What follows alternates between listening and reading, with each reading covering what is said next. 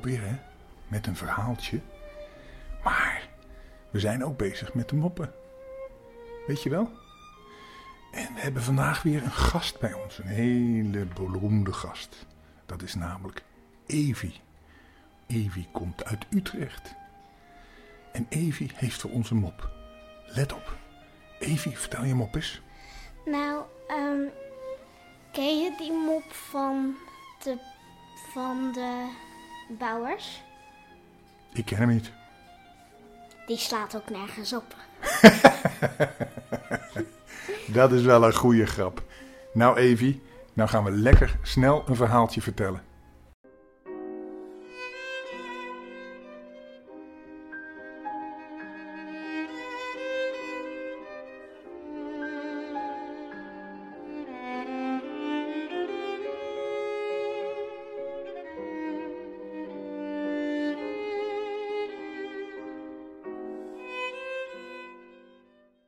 Het verhaaltje van vandaag is meester Pompemoes en de slapeloosheid.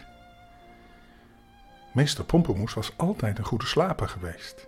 Hij sliep zodra hij zijn hoofd op het kussen legde en werd pas wakker als 's morgens de wekker afliep.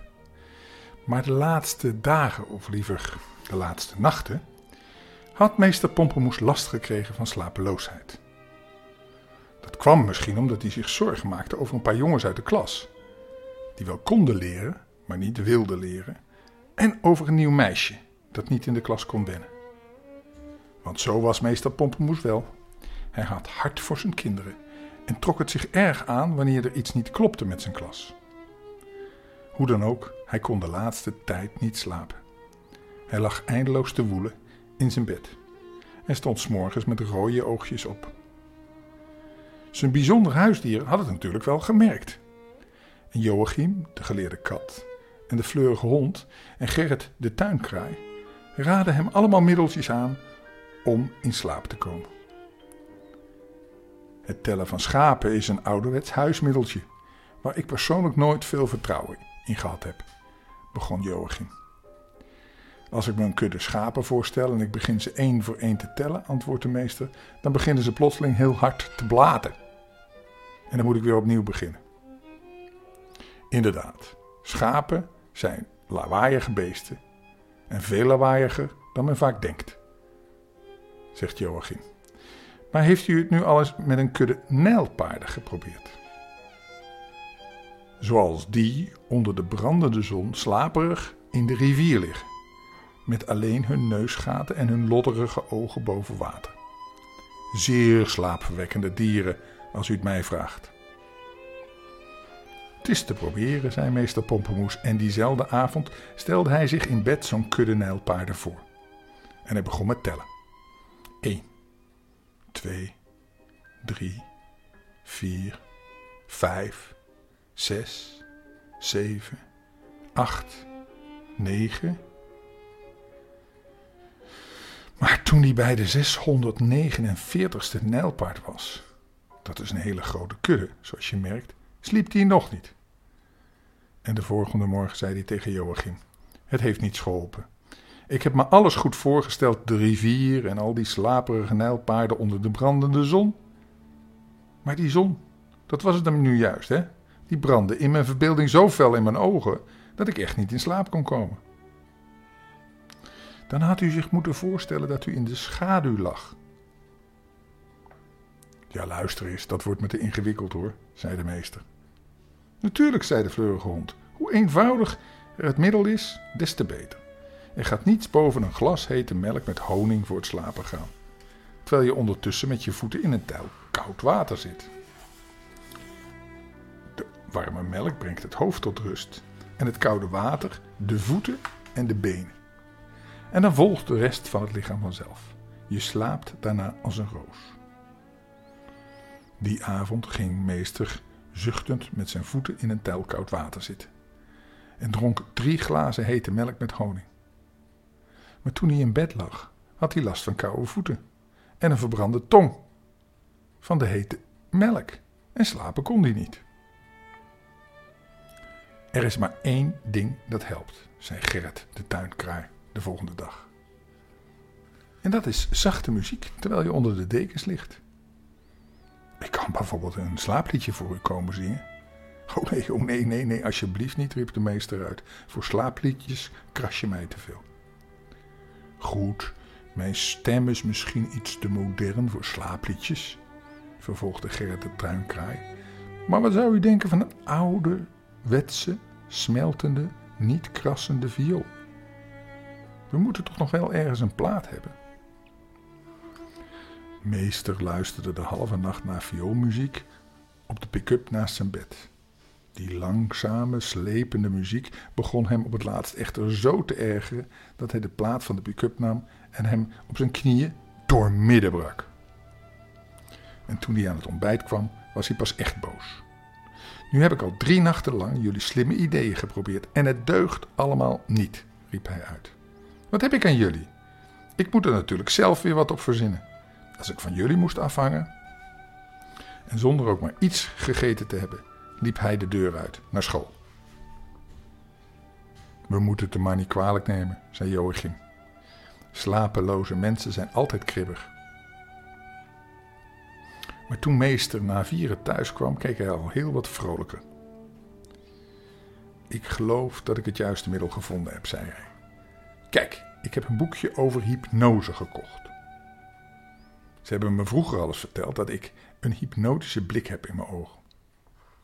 Trouwens, dat weten de kinderen van mijn klas echt wel.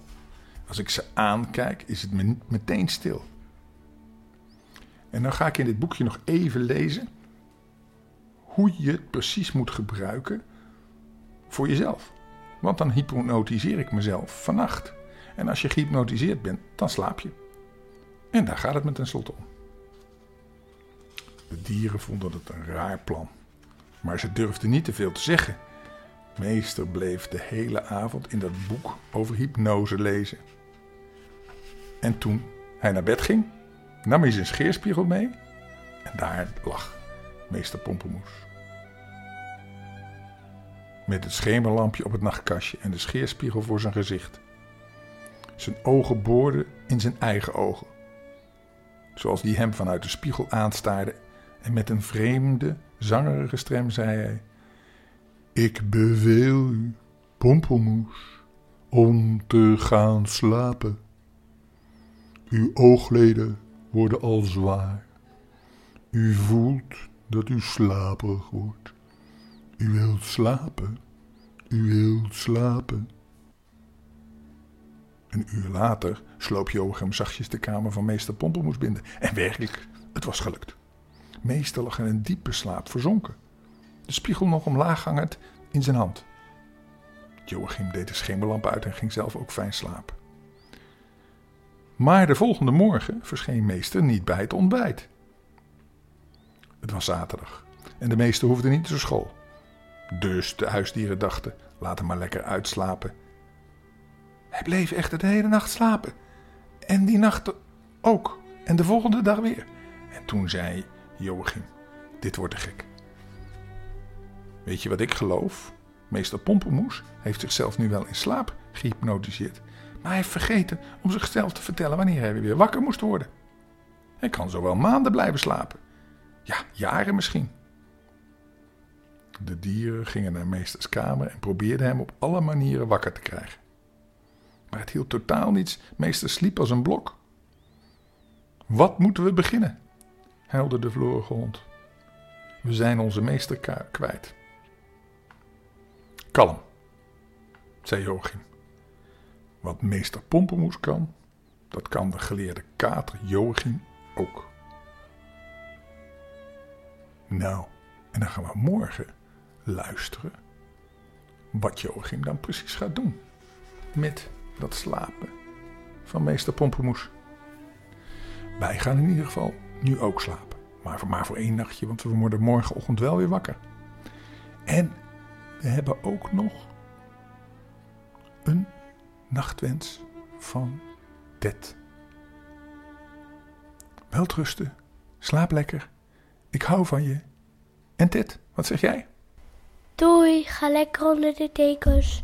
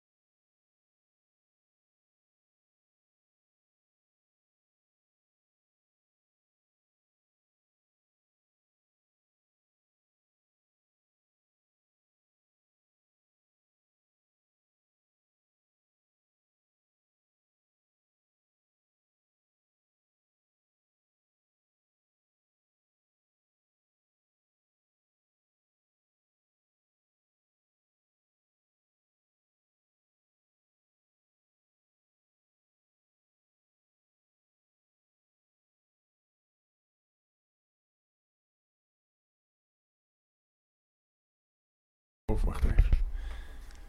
hey, lieverd. Dit is op Rob, hè? Weer met een verhaaltje. En weet je, vandaag hebben we Kaatje op bezoek. Kaatje heeft een hele leuke korte mop. Kan jij ook bedenken.